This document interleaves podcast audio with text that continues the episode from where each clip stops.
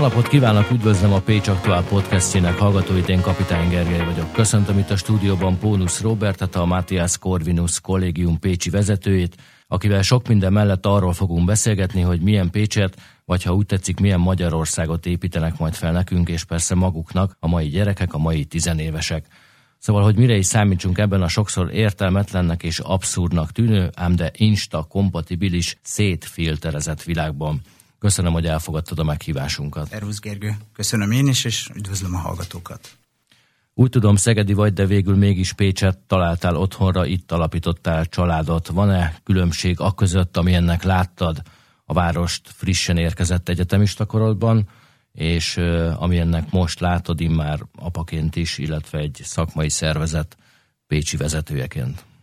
Nagyon érdekes kérdés itt rögtön az elején, mert ugye nagyon sokan párhuzamba állítják Pécset és Szegedet, akár a város lélekszámát illetően, akár az egyetem profilját illetően nagyon hasonló. Az egyiknek van egy szép tiszája, a másiknak pedig van egy szép mecseke. Én alapvetően olyan nagy különbséget nem látok a két város között. Mind a kettőben közös és hasonló karaktere az egyetem és a köré épülő szolgáltató szektor. Ugye ezt látjuk évközben, tíz hónapon keresztül, hogy pezseg mind a két város, nyaranta pedig az egyetemisták helyét eh, felcserélik a turistákra.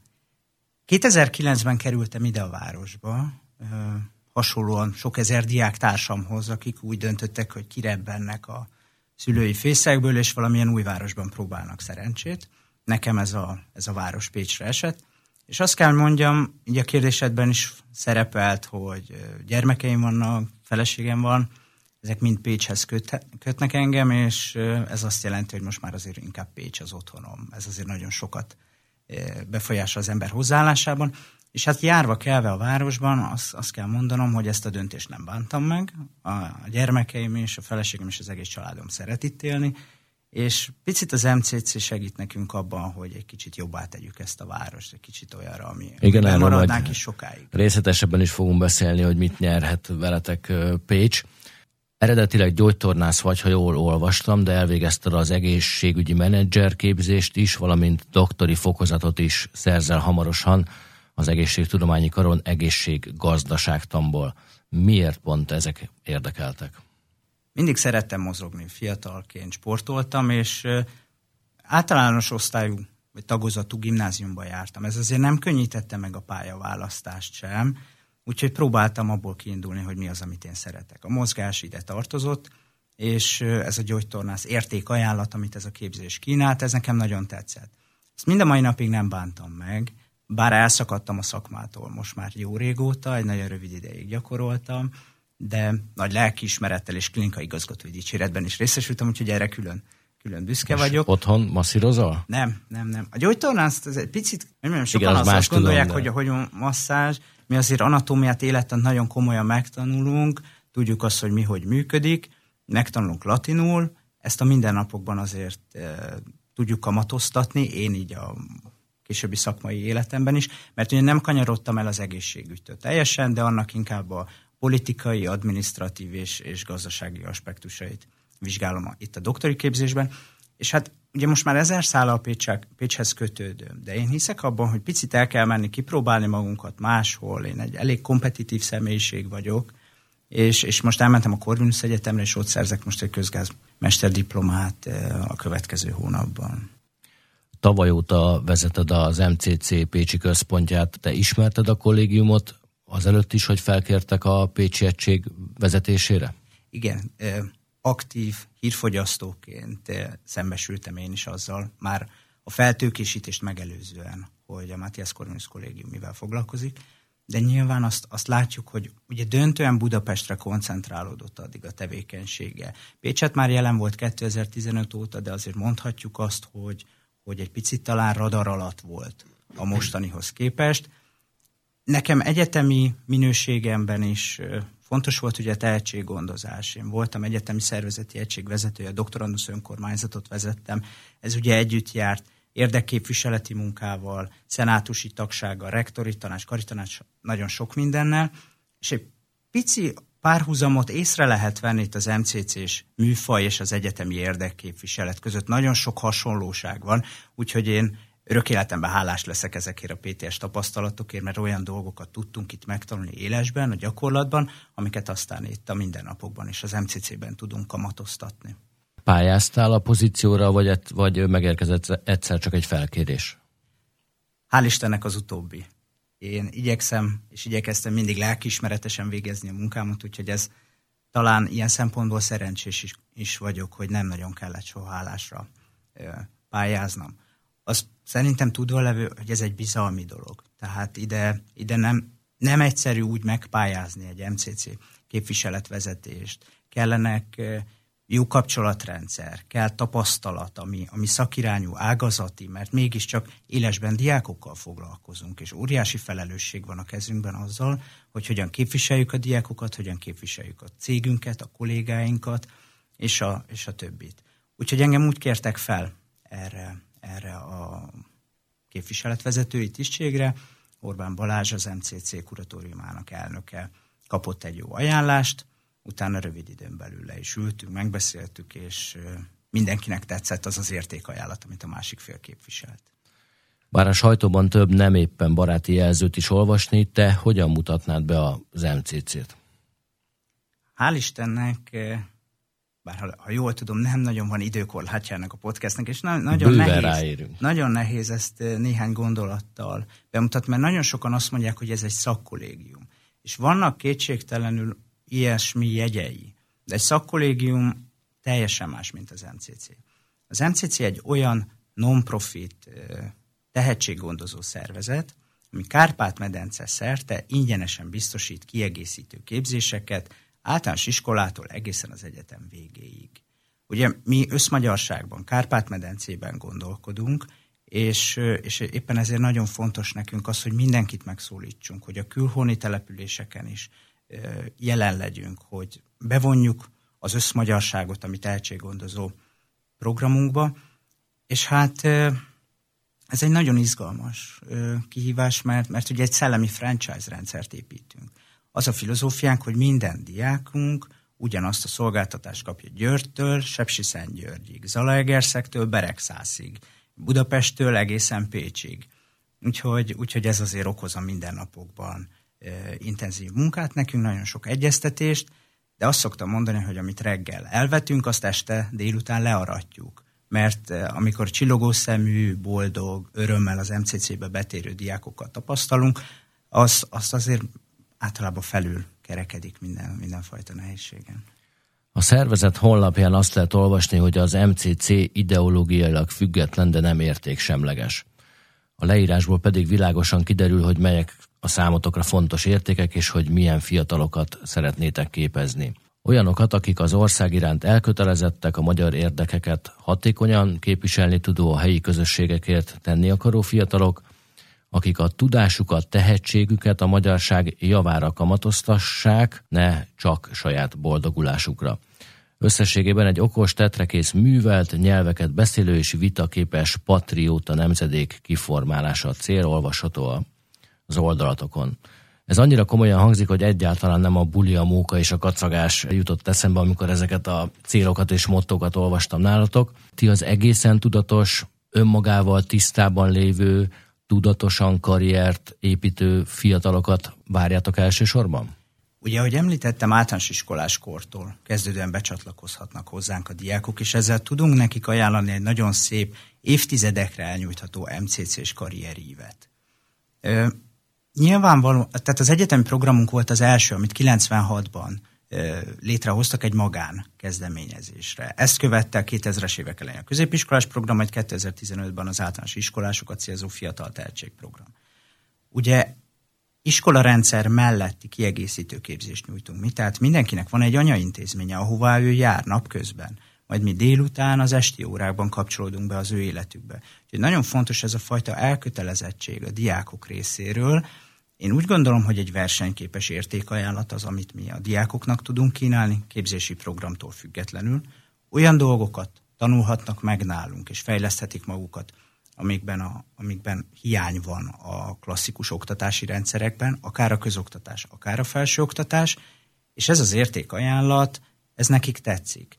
Nyilván kell ide egy elhivatottság, de mi abban hiszünk, hogy a tehetség az nem, nem tud megfelelően kibontakozni egyedi szinten, egyéni szinten, hanem annak közösségben van a helye, ott meghatványozódik a tehetség, és éppen ezért gondolkodunk mi kis csoportokban, válogatott társaságban, olyanokban, akik az intellektusuk mellett közösségi emberek, és persze elhivatottak is. Tehát ez nagyon fontos, hogy, hogy ők ezt az egészet szeressék csinálni, de olyan jó példák, olyan jó karrier lehetőségek, olyan jó szakmai hálózatosodási tapasztalatok veszik őket körbe minden nap, hogy szerintem nekik nem igazán jut eszükbe, hogy ezt az egészet ne csinálják, vagy ne érné meg. Igen, láttam én is egy halom fotót a különféle felületeiteken, ahol tényleg jókedvű fiúk, lányok vannak azokon a képeket, tehát gondolom, hogy nem egy ilyen vérkomoly műhely munka folyhatott a falak között, hanem a képek alapján azért úgy láttam, hogy ott, ott igenis azért ott van a jókedv vastagon, szóval teljesen normális fiatalokról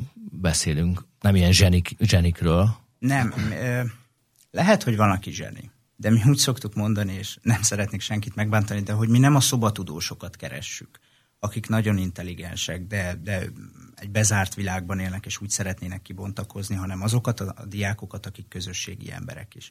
És valóban szeretnek a diákok hozzánk járni, örömmel töltik el őket a mindennapok, amit itt tölthetnek. Van, akinek ez egy második osztálya. Tapasztalunk olyat, hogy egy diák tehetséges, intellektuálisan képzett, fejlett, ugyanakkor nem biztos, hogy megtalálja a helyét a saját osztályában. Eljön hozzánk, és ez egyfajta második osztályt jelent számára, és lehet, hogy teljesen más arcát mutatja nálunk egy diák, mint az ő igazi osztályában. Ez hozzájárul a kollégák felkészültsége, hozzájárul az, hogy olyan izgalmas dolgokat, színes, szagos, látványos dolgokat tanítunk meg nekik, amikre, amikkel máshol nem tudnak találkozni, nincs nálunk házi feladat. Nem is azt a klasszikus oktatási módszert követjük mi, ami frontális oktatásra épül. Eljön az oktatónk, levetít egy prezentációt, majd aztán a számon kéri. Nálunk nem erről van szó. Ha van is prezentáció, az is, az is inkább egy felvillantás, egy gondolatébresztés, hogy legyen egy közös alapunk, amiről aztán tudunk beszélgetni kis csoportokban kidolgozzuk, projekteket szervezünk rá. Ez azért eh, az elmélet mellett egy nagyon, nagyon markáns gyakorlati tudást és készségfejlesztést is jelent a mindennapokban. Úgyhogy mi azt szoktuk mondani, hogy ezek a diákok, amellett, hogy ugye képződnek, tanulnak nálunk, egyfajta karriergyorsító pályára is kerülnek. Mert az erősségeiket mi már fiatalon ki tudjuk hegyezni, azonosítani tudjuk. Van pályaorientációval foglalkozó szakemberünk is, és ennek azért látjuk, a, a mindennapokban tapasztalható előnyeit, hogy a diákok tudják, hogy mit szeretnének, tudják, hogy ők miben ügyesek, tudatosabban fognak pályát választani. Hozzáteszem, ez aztán jó lesz az int- oktatási intézményeknek is, mert valószínűleg kevesebb lesz a lemorzsolódás. Az, ami filozófiánk egyébként, és az egyetemi programban ezt gyakran elmondjuk, hogy a diákjaink megtanulják az egyetemi szakjukon azt, hogy hogy legyenek jó orvosok, közgazdászok, jogászok, tanárok, mérnökök, de azt, a készségszettet, idegen nyelvtudást, globális látásmódot, ami kell ahhoz, hogy egy nagyon szép karriert befuthassanak, azt az MCC-ben meg tudják szerezni. Mert mi kis csoportban, válogatott szakemberekkel dolgozunk, és, és nem sajnáljuk az időt semmire. Mennyien vagytok most Pécset, vagy hány diákkal dolgoztok? Összesen közel 300 diákunk van. 91 diákunk van az általános iskolás programunkban, a Fiatal Tehetség programban. Itt ugye 25-ös évfolyamokat veszünk fel. A középiskolás programunkban közel 180 diákunk van, itt nincsen létszámkorlát. Ez egy hibrid rendszer. Vannak e-learning kurzusaink, azt választják ki, amit ők szeretnének tanulni. Ha ők azt mondják, hogy középiskolásként társadalom elmélettel szeretnének foglalkozni, akkor teljesítik azt a kurzust. Ha valakit a mikroökonómia érdekel, vagy az akadémiai íráskészség fejlesztése, akkor ezeket te, e, teljesíti. Emellett vannak offline alkalmaink is a középiskolásoknak, hetente klub délutánok, workshopok, meghatározott időszakonként kirándulások, táborok, és havi szinten seregszemlék, országos középiskolás seregszemlék. Az egyetemistáknak pedig ott már minden van. Ott már felnőttekről beszélünk. Nekik biztosítunk ingyenes bentlakást. Ingyenes ott is az oktatás, idegen nyelvtanulás, és még számos olyan ösztöndíjunk van, amivel tudjuk őket segíteni. Itt is van egy 25 fős évfolyambéli létszámkorlát, amivel dolgozunk pályázni lehet hozzátok, vagy ti magatok is kerestek tehetséges fiatalokat? Vannak felvételi kampányaink minden képzési programunkban, ezeket publikus felületen és a médiában egyaránt közé tesszük, és a diákoknak akinek tetszik ez, amit mi kínálunk, ő bátran tud jelentkezni. Járjuk az iskolákat is, aktív kapcsolatot tartunk itt a közoktatás és a felsőoktatási intézmények pedagógusaival, tanáraival, szakembereivel. Vannak, akiket ők ajánlanak. De mi minden esetben azért megvizsgáljuk ennek az ajánlásnak a, a, az erősségét, mindenkinek ugyanazon a, a szűrőrendszeren kell keresztül mennie, egy, egy szóval MCC kompatibilissé kell válni ennek a diáknak, aki hozzánk bekerülhet, mert nálunk nem nagyon van lemorzsolódás, nem nagyon hagyják itt a diákok a képzési milyen, milyen az MCC kompatibilis diák?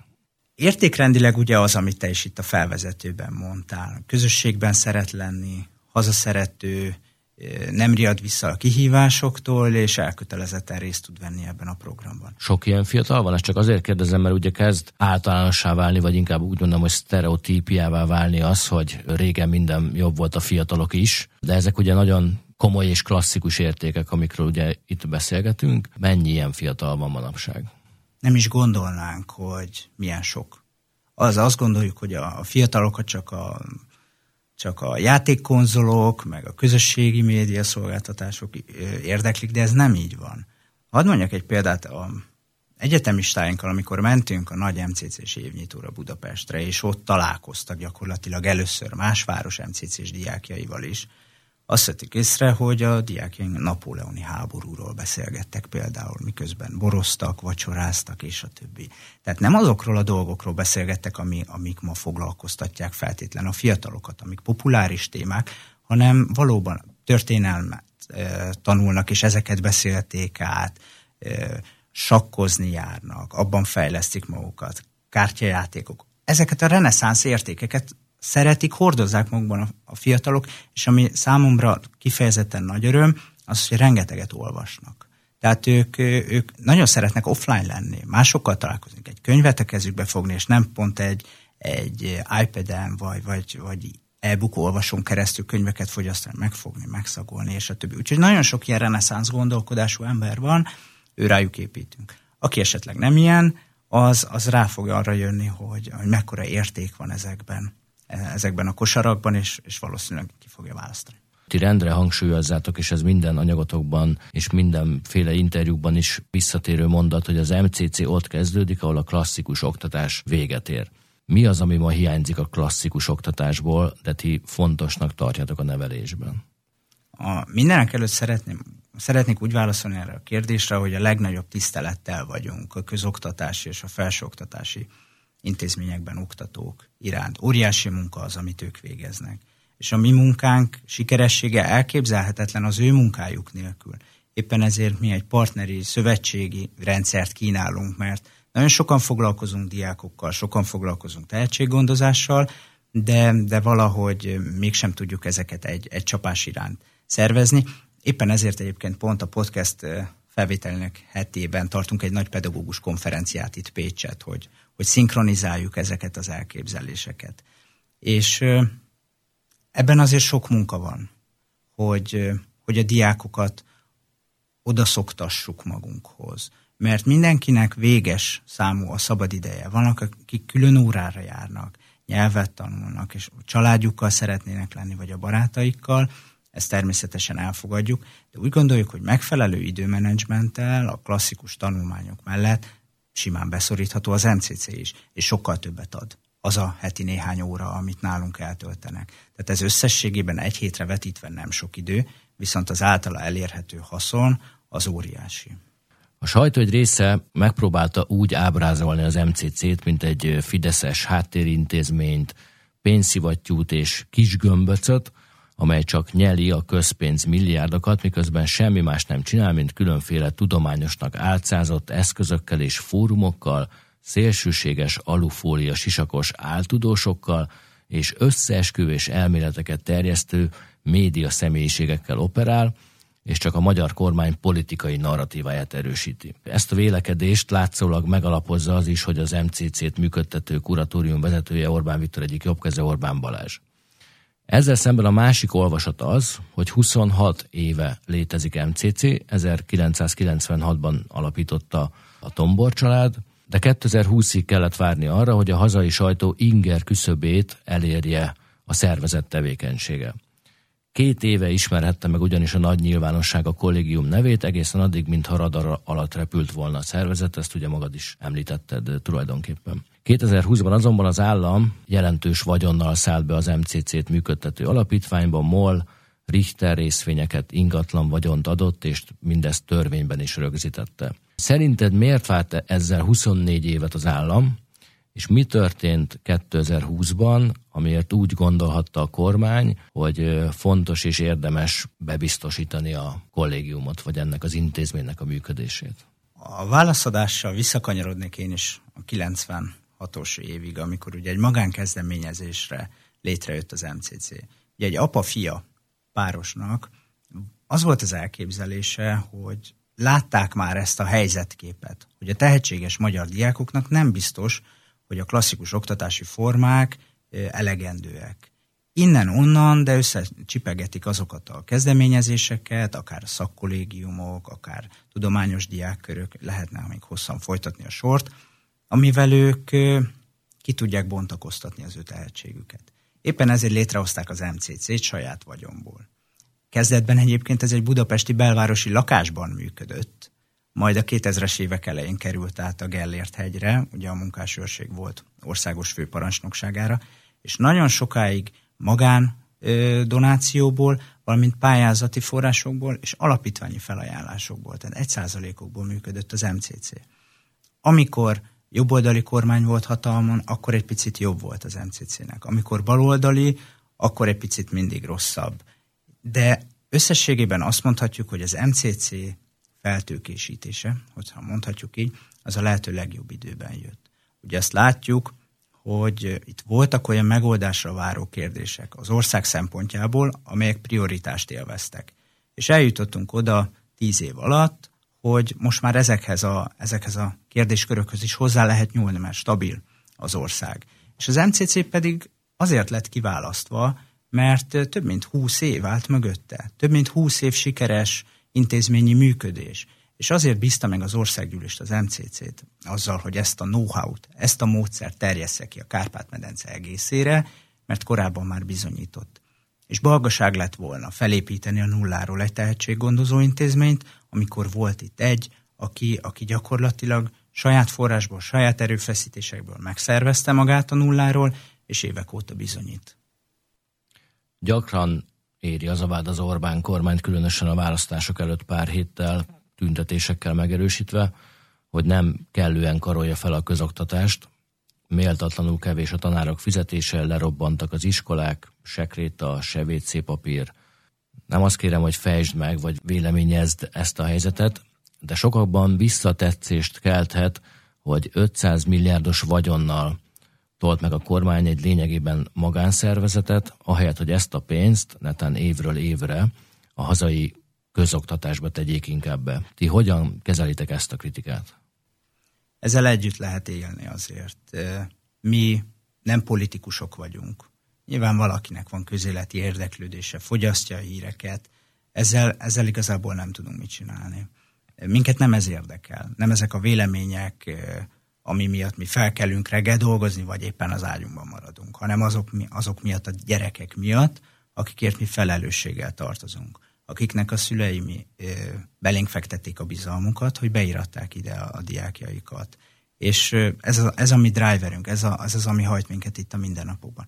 Kritikák mindig is voltak, mindig is lesznek, de én úgy gondolom, hogy az a vízió, amivel az MCC rendelkezik, az a szellemi és infrastruktúrális építkezés, amiben mi belekezdtünk, és még korán sem fejeztük be, ez el fogja hallgattatni a kritikusokat. Én magam ugye nem politikus vagyok, de látjuk azokat a világnézeti különbségeket, hogy melyik oldalnak milyen a felfogása. Valamelyik inkább a globális érdekcsoportokban hisz, valaki inkább a nemzeti oldalt választja, és azt mondja, hogy a mi forrásainkkal megújítjuk az intézményeket, egy versenyképes, új, fiatal társadalomnak az alapjait fektetjük le, azzal, hogy iskola rendszeren kívüli, képzések, kívüli képzéseket biztosítunk nekik, és nálunk azért vannak mindenféle világnézetű diákok. Nyilván ez leginkább azért a középiskolásoknál és az egyetemistáknál öltestet, de azért ők sem vitatják ennek a, az egész MCC-nek a létjogosultságát, hogy ez fontos. És azt látjuk, hogy ez a fajta nemzeti gondolkodás, az összetartozás hangsúlyozása, ez a fajta szellemi és társadalmi építkezés, ami nálunk folyik, ez egy fenntartható dolog, és ez meg fog ágyazni annak, hogy az ország sikeres legyen a jövőben is.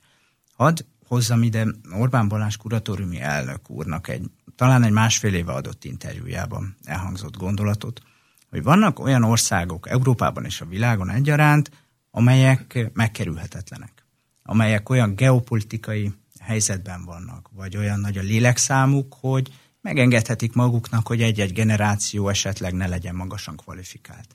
Mi nem vagyunk ennyire szerencsés helyzetben. Nincsenek mm, számottevő energiahordozóink, nincs olyan óriási geopolitikai súlyunk a világban, de felismertük azt, hogy nekünk van egy páratlan szürke állományunk és hozzáállásunk, illetve munkabírásunk, ez lesz a mi erőforrásunk a jövőben, erre építsünk, mert, mert a fiatalok lesznek az álogai az ország versenyképességének. És tulajdonképpen erre a vezérfonára fűzzük fel mi valamennyi képzésünket, hogy biztosítsunk a diákjainknak idegen nyelvtanulási lehetőséget, olyan információk, készségek, képességek elsajátítását és globális látásmódot, amivel, amivel ők majd szűkebb vagy tágabb közösségükért fognak tenni. Mi nem gondoljuk azt, bár Magyarország nagyon fontos számunkra, de nem gondoljuk azt, hogy a világ az véget ér az ország határnál. Mi kiküldjük a diákjainkat, menjenek ki hosszabb, rövidebb időre, tanuljanak külföldön, hozzák haza azt a tudást, ami esetleg nem elérhető itthon. Tanulják meg azt, ami, amire nekik szükségük van, és aztán gyarapítsák ezt itthon. Mi szeretnénk azt elérni, hogy a, a diákjaink, és végső soron a magyar fiatalok gondolkodjanak, érezzenek, cselekedjenek magyarul. Hogyha valaki érzékeny a, a, a klímavédelem iránt, az éghajlatváltozás iránt, és szeretne ezzel tenni, akkor mi szeretnénk elérni azt, hogy ő a búbos bankát akarja megmenteni, és ne a, ne a jegesmedvét, ami nincs Magyarországon. Nem akarok ezzel rúgozni, csak még egy kérdést engedj meg ebbe a témakörbe, mert próbálom megfejteni azt a dühöt, ami veletek szemben érzékelhető a sajtó egy részéből. És a hazai sajtót átnézve 2020 után több tucat cikk foglalkozik az MCC-vel nem éppen barátságos megközelítésben. Kritizálták a meghívott vendégoktatókat, ezek egy részéből totál hülyét csinálva, még listába is szedték őket, azt erősítve, hogy marginális őrültek gyülekezetéről van szó. Mi az szerinted, amiért ennyire dühösek az MCC-re a balos sajtóban, mert ez egyértelműen többnek tűnik száraz kritikai írásoknál? Én oda szóval vet... mivel vertétek ki a biztosítékot ennyire? Én oda vezetném ezt vissza, hogy, hogy ebben lehet egyfajta irítség. Amikor baloldali kormányok voltak hatalmon, akkor, akkor nem láttunk ilyen nagy nemzetépítést, vagy hálózati, hálózatépítési törekvéseket. Ezzel szemben az MCC most itt van, és, és szeretné magát konzerválni itt a mai magyar társadalomban. Mi ennek ellenére nem érezzünk a mindennapokban olyan, olyan dühöt, amiről te is, te is meséltél itt. Ez nem befolyásolja ugye a mi munkánkat. Az pedig, hogy kit milyen szakembernek titulálnak, én úgy gondolom, hogy az az ő véleményük, ez az ő érdemüket nem kisebbíti. Tehát amikor olyan szakemberek oktatnak nálunk, és foglalkoznak a diákjainkkal, akik korábban nagykövetek voltak, távoli országokban, vagy olyanok, akik Európai Uniós háttérintézményekben töltöttek el közel 20 évet, vagy akár magyarországi világcégeket igazgattak, vagy saját ö, jogukon felépítettek egy olyan brandet, ami, ami világszínvonalú, akkor mi ezekre az emberekre büszkék vagyunk, és örülünk, hogy az MCC-t választották, hogy segítsék és tanítsák a mi diákjainkat. És az, hogy lehet ellenzéki sajtóban olvasni róluk ö, mindenféle jelzőket és stigmákat, ez bennünket annyira nem érdekel, mert mi tudjuk, hogy mi a mi értékünk, tudjuk, hogy mi mit szeretnénk csinálni, és mi inkább a munkában és, és kevésbé a kritizálásban hiszünk. A mostani választások után hetekig találgatta és elemezte a baloldal, illetve a média egy része, hogy miért veszítettek és hogyan tudott megint ekkora, sőt soha nem látott mértékű társadalmi támogatottságot szerezni a Fidesz. Ebben a hetekig tartó megfejtésben végül elhangzott az az érv is, mégpedig a 24.hu főszerkesztője mondta ki, hogy a jobb oldal ma sokkal progresszívebb, felkészültebb, mint a bal oldal, tanultabb, képzettebb, és folyamatosan képzi is önmagát és az embereit. ebben a képzésben, vagy ebben a típusú képzésben van-e szerepe az MCC-nek, és ha van, akkor milyen? Vagy visszautasítod-e azt, hogy ti nem a jövő fideszes elitjét, vagy valamiféle pártpolitikai utánpótlást végeztek?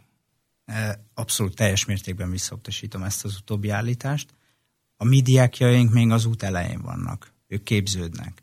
És nekünk, amikor azt mondjuk, hogy a, mi az ország versenyképességét szeretnénk szavatolni azzal, hogy vannak globális tudással rendelkező, de patrióta fiataljaink, akkor, akkor mi ide tesszük a, a hangsúlyt, hogy mindez a dolog, ami, ami fontos lehet egy ország, egy ország versenyképessége szempontjából, azt ők sajátítsák el.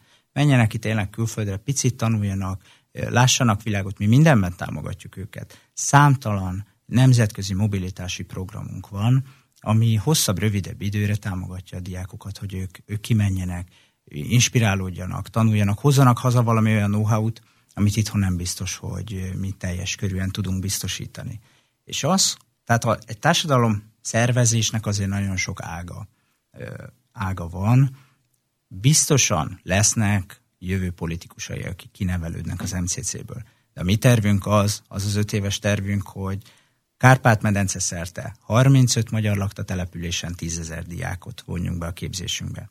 Ez azért egy nagy szám. Egy alapvetően kis csoportos képzésbiztosító szervezet által. Biztos, hogy lesznek, akik a közéleti pálya iránt mutatnak hajlandóságot, de olyan is lesz, ebben egészen biztos vagyok, aki vállalkozó lesz. Munkát ad majd családoknak.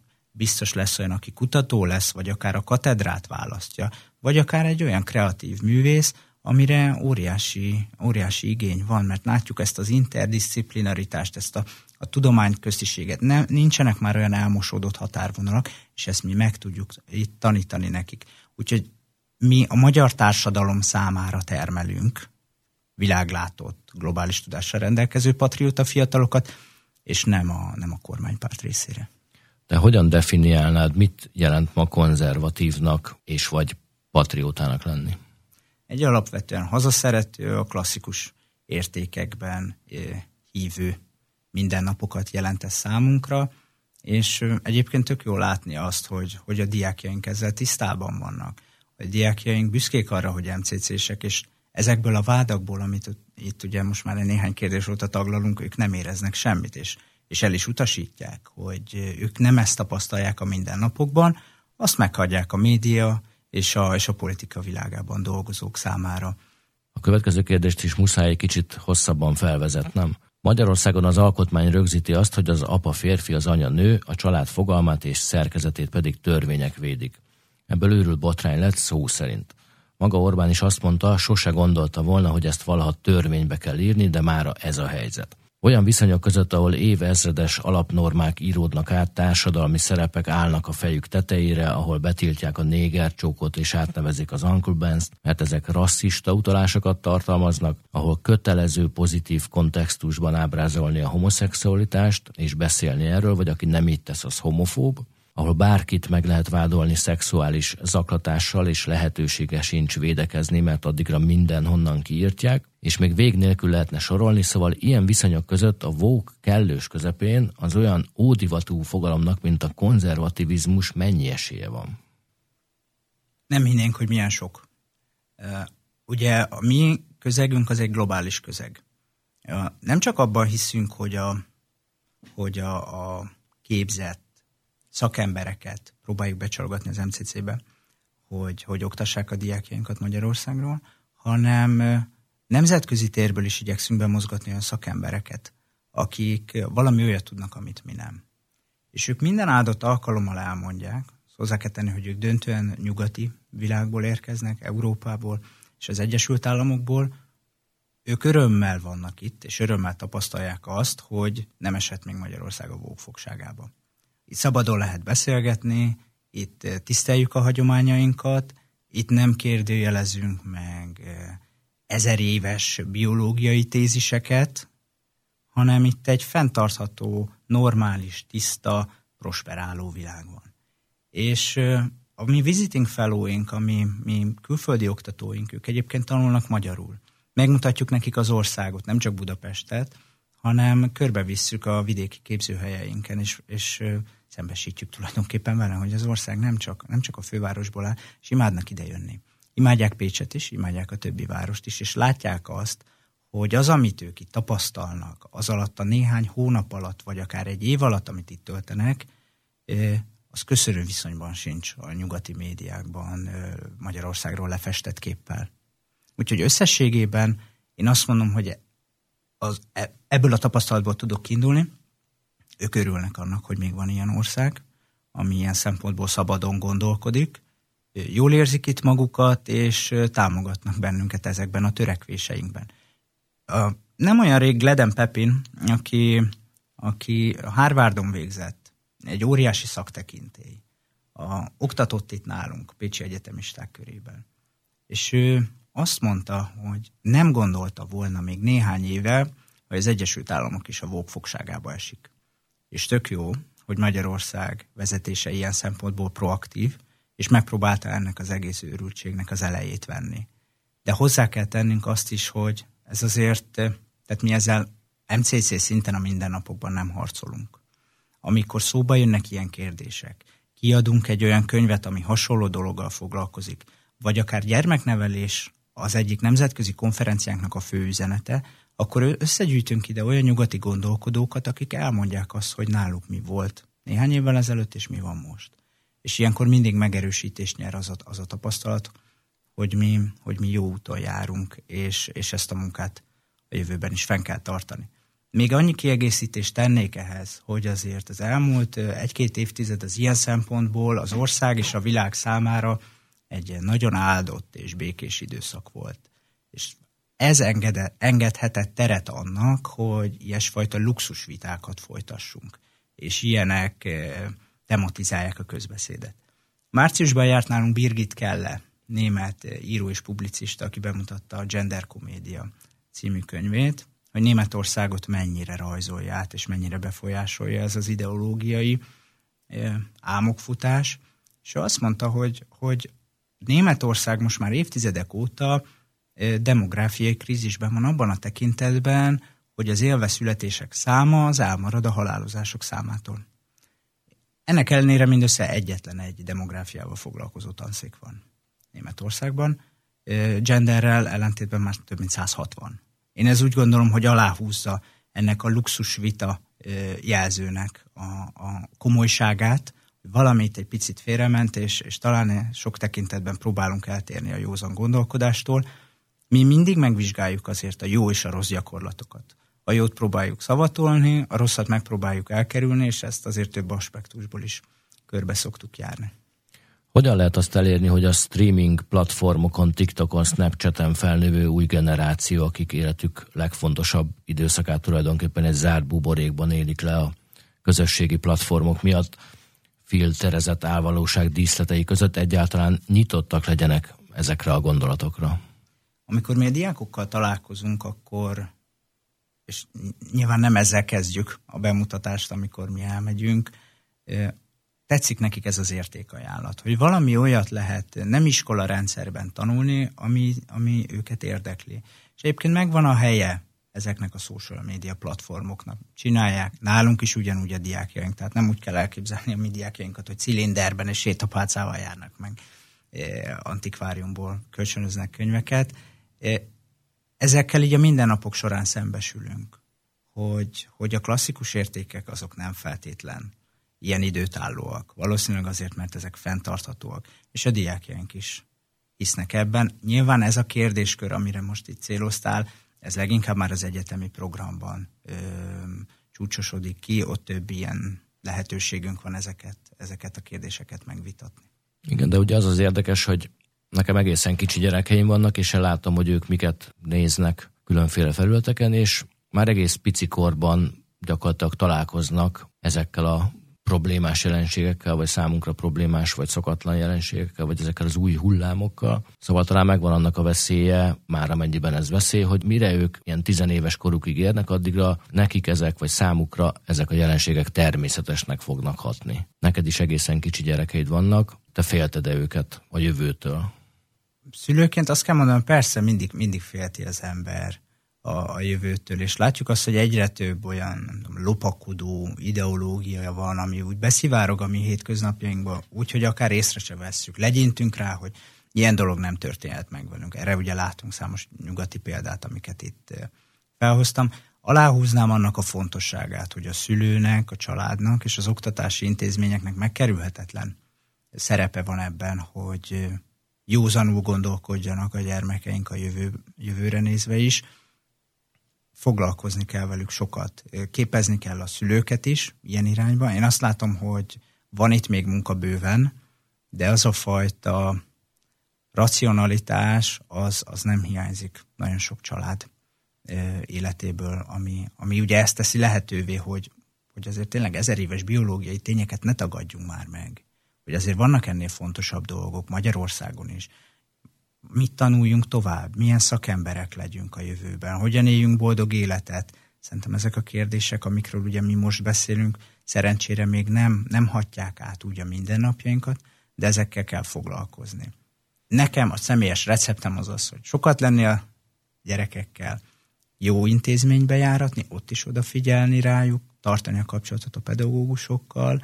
Én azt látom, hogy óriási munkát végeznek, és nagyon elkötelezettek, és, és ha lehet, akkor még férjen bele a sport is, mert, eh, mert az nagyon hasznos a diáknak. Megtanul csapatban gondolkodni, kitartó lesz, és, eh, és elfárad talán annyira, hogy nem lesz, nem lesz utána kedve ilyen kérdések után kutatni térjünk át Pécsre. Ti ugye megvásároltátok a Király utcában lévő fekket, vagy, vagy polgári nevén Tiszti kaszinót a színházzal szembe. Mi a terv az épülettel?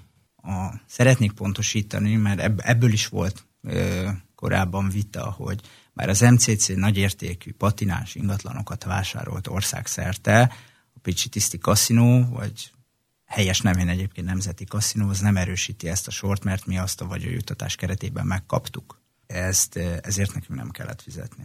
Ugye ez megint egy olyan dolog, ami nem a mi népszerűségünket húzza alá, de azt kell, azt kell mondanom hát nem erről, tudom, az egy hogy... évtizedek óta lerobbant Igen. épület a belváros kellős közepén.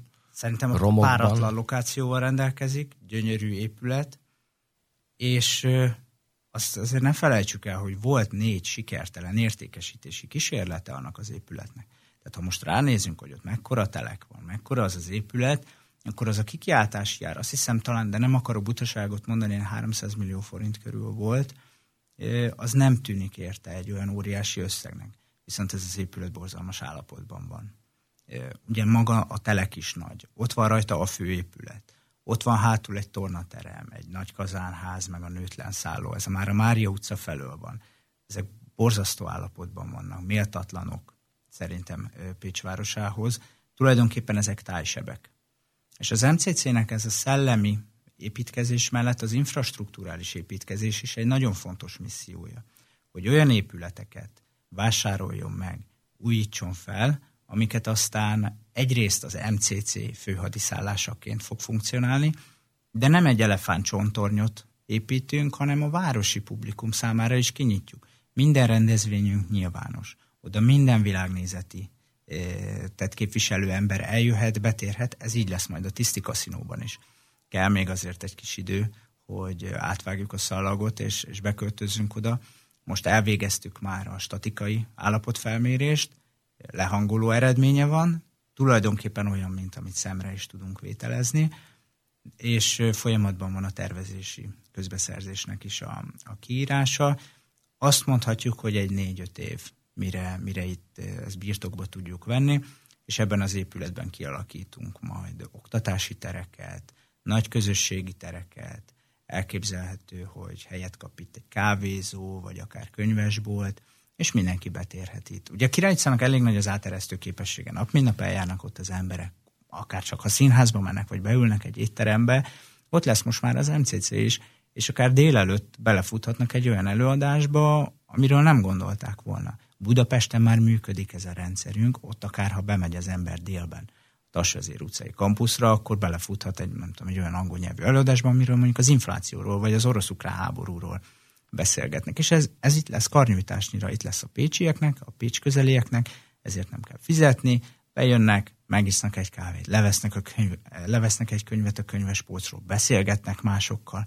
Ezek megint olyan klasszikus, reneszánsz, polgári értékek, amiknek a képviselete és a nemzedékeken áttörténő örökítése nekünk nagyon fontos. Összességében mit profitálhat abból Pécs, vagy mit nyerhetnek azon a pécsiek, hogy a városban is működik MCC? Ha materialista szempontból szeretnénk megközelíteni, akkor azt mondanám, hogy a tiszti kaszinó lesz egy ilyen nagyon fontos ö, megjelenése ennek az egésznek. De szerintem fontosabb ennél az a szellemi építkezés. Az, hogy a szülőknek nem feltétlen kell elszenvednie azt, hogy az ő diákjuk elmegy, az ő, ő gyermekük elmegy Budapestre diáknak, mert ott van versenyképes oktatás, hanem azt, hogy az MCC épít arra, hogy itt páratlanul magas szakmai munka folyik a Pécsi közoktatási és felsőoktatási intézményekben. Világhírű orvosképzésünk van. Brilliáns a reputációja a műszaki képzéseinknek, és még egy csomó más társadalomtudományi képzésünk is tényleg nagyon jó. És ez kiegészülve helyben az MCC által átadandó értékekkel, meg elsajátítható javakkal azt mondhatjuk, hogy ez egy versenyképes ajánlat lehet a diákoknak, hogy ne menjenek Budapestre, ne menjenek Bécsbe, vagy akár messzebb tanulni. Nyilván sajnos ilyenek mindig lesznek, de én azt mondanám, hogy az MCC jelenléte az az utóbbi időben az egyik legjobb dolog, ami Pécsel történt. És ez nem rövid távon, hanem majd közép és hosszú távon fog megmutatkozni, amikor az intézményválasztás, a munkalehetőség az majd nem fog feltétlenül családokat ilyen szempontból szétszakítani. Mert én biztos vagyok abban, hogy ezek a diákok, akik nálunk tanulnak, meg képződnek, ők majd itt később akár mint munkáltatók fognak fellépni. És ez, és ez nagyon fontos. Hát legyen ez a végszó most, mert lejárt az időnk. Sok sikert és kitartást kívánok neked személy szerint, és sok sikert kívánok az MCC-nek az országban és Pécsett is. Engem meg tudtál győzni, hogy szükség van arra, mit csináltok. Köszönöm szépen én is. Köszönöm a Pécs Aktuál hallgatóinak is, hogy velünk voltak, hamarosan jövünk újra egy újabb podcastben, addig is kövessék a Pécs Aktuált, ahol az igazán fontos és érdekes híreket olvashatják. Szép napot mindenkinek!